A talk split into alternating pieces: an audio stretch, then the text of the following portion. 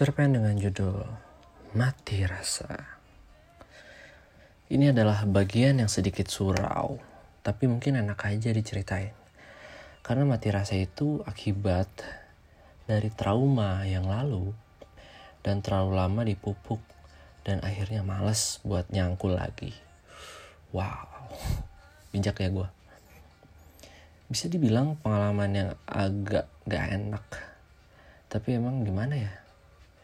Jadi gini, gue ceritain bahwa gue adalah cowok yang mungkin kata orang sangat priang. Tapi sebenarnya gue itu sangat umurung dalam hal ya mungkin dalam konteks asmara kali ya. Bahkan ada yang bilang gue orangnya gampang nemplok, gampang gampang deket sana sini, udah kayak boker jarang minum gitu. Dengan nemplok susah buat disiram. Tapi dari sisi priang gue ada sisi pemurungnya di mana ada saat gue ingin sendiri dalam sore-sore di atas genteng sambil dengerin lagu 420 kan atau payung teduh gitu. Bahkan dengerin lagu orkes gitu orkes Melayu. Karena kenikmatan mandang langit sore itu kayak lu naik gunung tapi lu gak capek buat daki gunung buat lihat langit sedekat itu gitu. Cukup di loteng atap rumah aja. Lu bawa segelas teh tawar sama dengerin lagu buat gua sendiri. Cukup mewakili lah. Mati rasa itu wajar. Ya ada masanya kayak gitu. Bahkan segilanya segila-gilanya gue deket sama cewek gitu.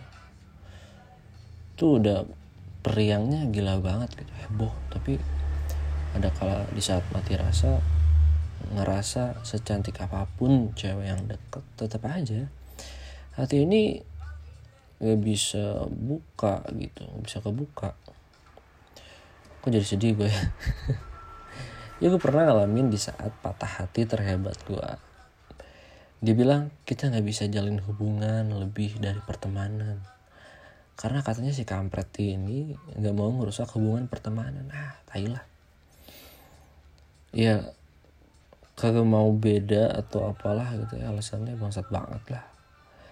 Di situ dia cerita ke gue dia sangat nyaman dan bener-bener baru pertama kali ada cowok yang yang ada selama kurang lebih empat tahun. Dan dia bilang gak akan jalin hubungan sampai ya setidaknya setidaknya sampai doi kerja lah gitu tapi bangsatnya doi malah pacaran sama abdi negara. Uh berarti ya. Dan disakitin terus gitu. Terus menerus. Dan emang emang goblok tuh orang. Ceweknya gitu ya ya apa ya?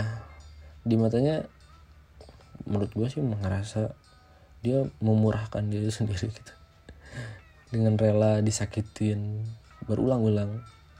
Cuma pengen sama yang pakai baju aparat. Ya emang keren sih. Tapi kalau ujung-ujungnya nanti nikah doi jadi istri tua kan ya lucu ya. Ini sama gue lah yang gak ada kata gagah. Tapi gagah buat komitmen sehidup semati. Wih di. Ya doi satu-satunya cewek yang ada di hidup gue waktu itu selama 4 tahun itu ya tanpa ada hubungan. Tapi tepat aja sih. Cewek yang nganggap gue itu sahabatnya katanya sahabatnya yang paling baik. Ya gue nggak mau lah ya. Paling enggak enak sih dianggap cuman sahabat doang gitu atau temen gitu kan.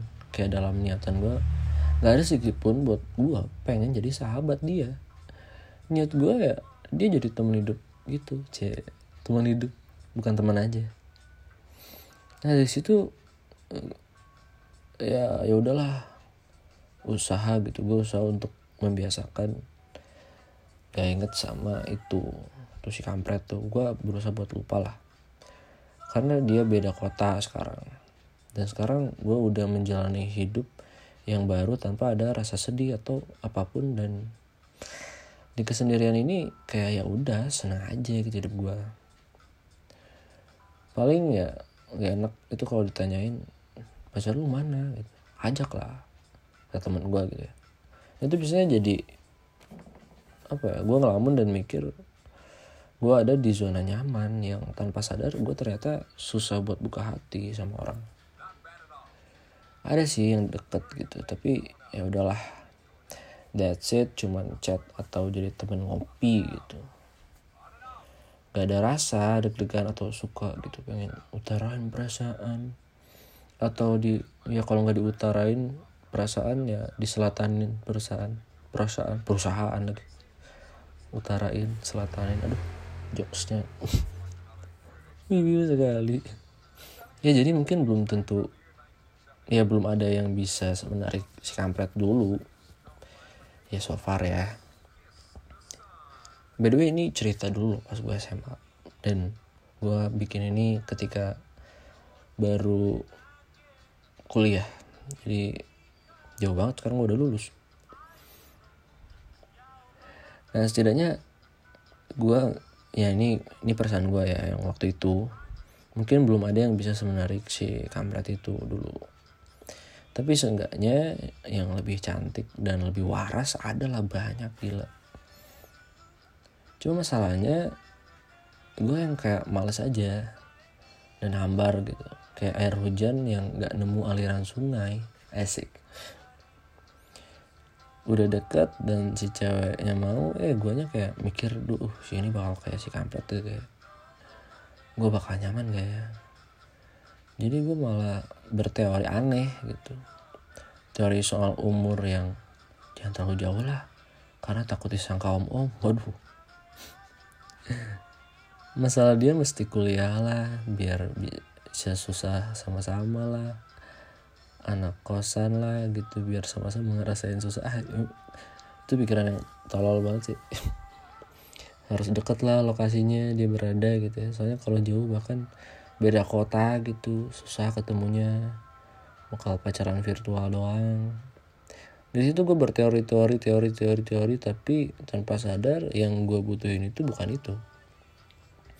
Tapi yang bisa nerimain gue aja dan bisa diajak menjadi sederhana yang romantis asik dan santai gitu. Nggak kaku kayak jempol kaki yang cantengan atau kayak kanebo kering.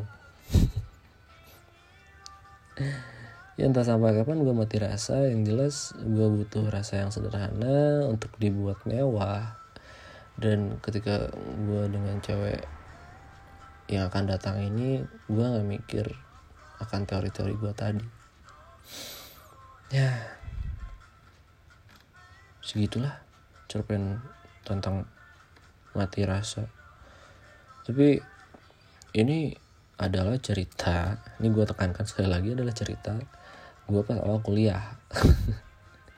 Jadi si kampretnya ini pas SMA ya kan bukan gue ngerasain sekarang loh. Jadi ya bukan fiktif sih. Tapi ini cerita basi yang gue angetin lagi. Cek dah